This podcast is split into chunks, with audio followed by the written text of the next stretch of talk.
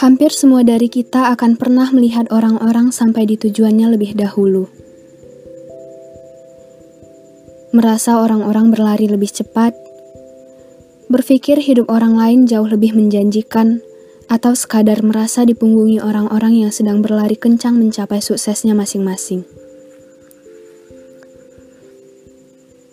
Dan yang paling buruknya bukan karena kita nggak usaha buat mengimbangi kecepatan mereka, Bahkan ketika dilihat lagi, kita udah jadi orang yang paling all out. Orang yang paling kerja lembur bagai kuda. Intinya kita yakin penuh kalau usaha kita udah yang paling kuat di antara semua yang ada. Tapi kenyataannya tetap saja merasa terdahului oleh orang-orang yang ketika kita lihat hidupnya laki banget, yang jalannya mulus banget. Tapi begitulah hidup. Hidup yang menghadirkan sesuatu yang sering kali membuat kita tidak mengerti jalan ceritanya. Ya gimana enggak? Usaha paling kuat untuk yang diperjuangkan kemudian tidak seberhasil orang lain. Dicoba lagi dan lagi hasilnya masih sama. Sama-sama belum berhasil.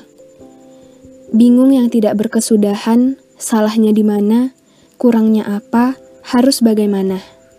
Mati akal kemudian berpikir menyerah dan tetap mengusahakannya sudah tidak ada bedanya lagi.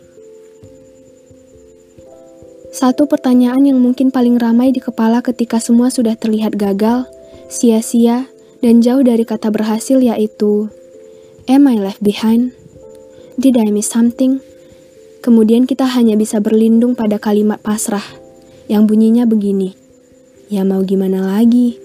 Tapi ya, kalau diingat-ingat lagi, ada satu yang kita lewatkan sebelum kita masuk ke arena yang kita sebut balapan ini. Yang garis startnya abstrak, yang garis finishnya tidak absolut, yang padahal sebenar-benarnya hidup bukanlah sebuah balapan. Kenapa? Karena pikiran kita yang menciptakan perlombaan itu sendiri. Saat tidak ada orang yang mencoba lebih dahulu dan didahului, tapi kita dengan sukarela masuk pada permainan yang sebenarnya tidak pernah dimulai oleh siapa pun kita tidak pernah sepakat untuk start bersama. Jadi garis finishnya seharusnya tidak bisa berlaku bagi siapa pun. Kita tidak berlari untuk mendahului dan didahului oleh siapa pun. Seharusnya. Oke, singkatnya begini. Seperti bunga aprikot yang mulai bermekaran di awal musim, kemudian disusul oleh mekarnya bunga forsythia, azalea, dan magnolia. Barulah tiga bulan kemudian, bunga sakura mulai bermekaran. Di akhir musim semi biasanya bunga mawar bermekaran, membuat banyak ruangan menjadi seperti rumah kaca penuh dengan buket dan keranjang bunga mawar. Musim semi pun ditutup dengan banyak bermekarannya bunga anyelir. Kemudian musim semi berganti menjadi musim panas, bunga yang bermekaran pun turut berganti. Pada musim ini adalah giliran bunga matahari mekar di setiap sudut taman. Mengawali musim gugur, bunga kosmos barulah mekar. Di saat dedaunan pepohonan maple justru mulai banyak menggugurkan daun-daunnya. Ditutup dengan mekarnya bunga krisan, ketika bunga ini sudah hilang, maka pertanda musim dingin segera tiba. Kita manusia mungkin ingin seperti bunga aprikot yang mekar di awal musim semi ketika semua bunga yang lain belum mulai memperlihatkan kuncupnya yang padahal ketika Mei datang bunga aprikot akan lenyap berganti dengan keanggunan bunga mawar.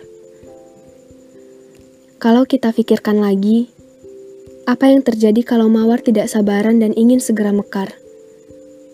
Di awal bulan Maret misalnya. Yang terjadi adalah mawar-mawar itu tidak mampu bertahan dari dinginnya embun di awal bulan Maret. Ya, setiap bunga mekar pada musimnya. Bebungaan itu tahu kapan mereka akan mekar. Tidak seperti kebanyakan dari kita yang selalu ingin saling mendahului. Memahami bahwa hidup sejatinya bukan tentang kita berhasil berarti orang lain kalah, kita gagal berarti orang lain menang, melainkan seperti setiap bunga yang mekar pada musimnya pun kita seperti itu. Terkadang kita harus mengizinkan hidup untuk memberi kita pemahaman bahwa mendapatkan tidak hanya soal memenangkan apa yang ingin kita raih, tetapi menerima apa yang sudah ada, merawat yang bahkan sebetulnya tidak pernah kita minta. Jadi untuk kita yang sudah melakukan segala upaya tapi tidak kunjung menemukan apa yang kita cari, terima dulu kecewanya. Jangan lupa damai sama diri sendiri. Waktu kita barangkali bukan sekarang. Perjalanan kita belum selesai. Memang sih, tidak mudah belajar berlepas dari semua itu. Semua definisi sedih dan bahagia, sukses dan gagal berdasarkan angka-angka yang ternyata tidak mungkin diukur berdasarkan angka-angka saja. Saya tahu ini sulit untuk kita manusia, tapi percaya, kamu akan sampai pada waktu mekarmu tanpa mendahului dan didahului siapa pun karena pada dasarnya, kamu pun punya musim mekarmu sendiri. Tidak kecepatan, tidak terlambat. Jangan terlalu sulit sama diri sendiri ya. Jangan menyalahkan diri jangan berhenti berjuang.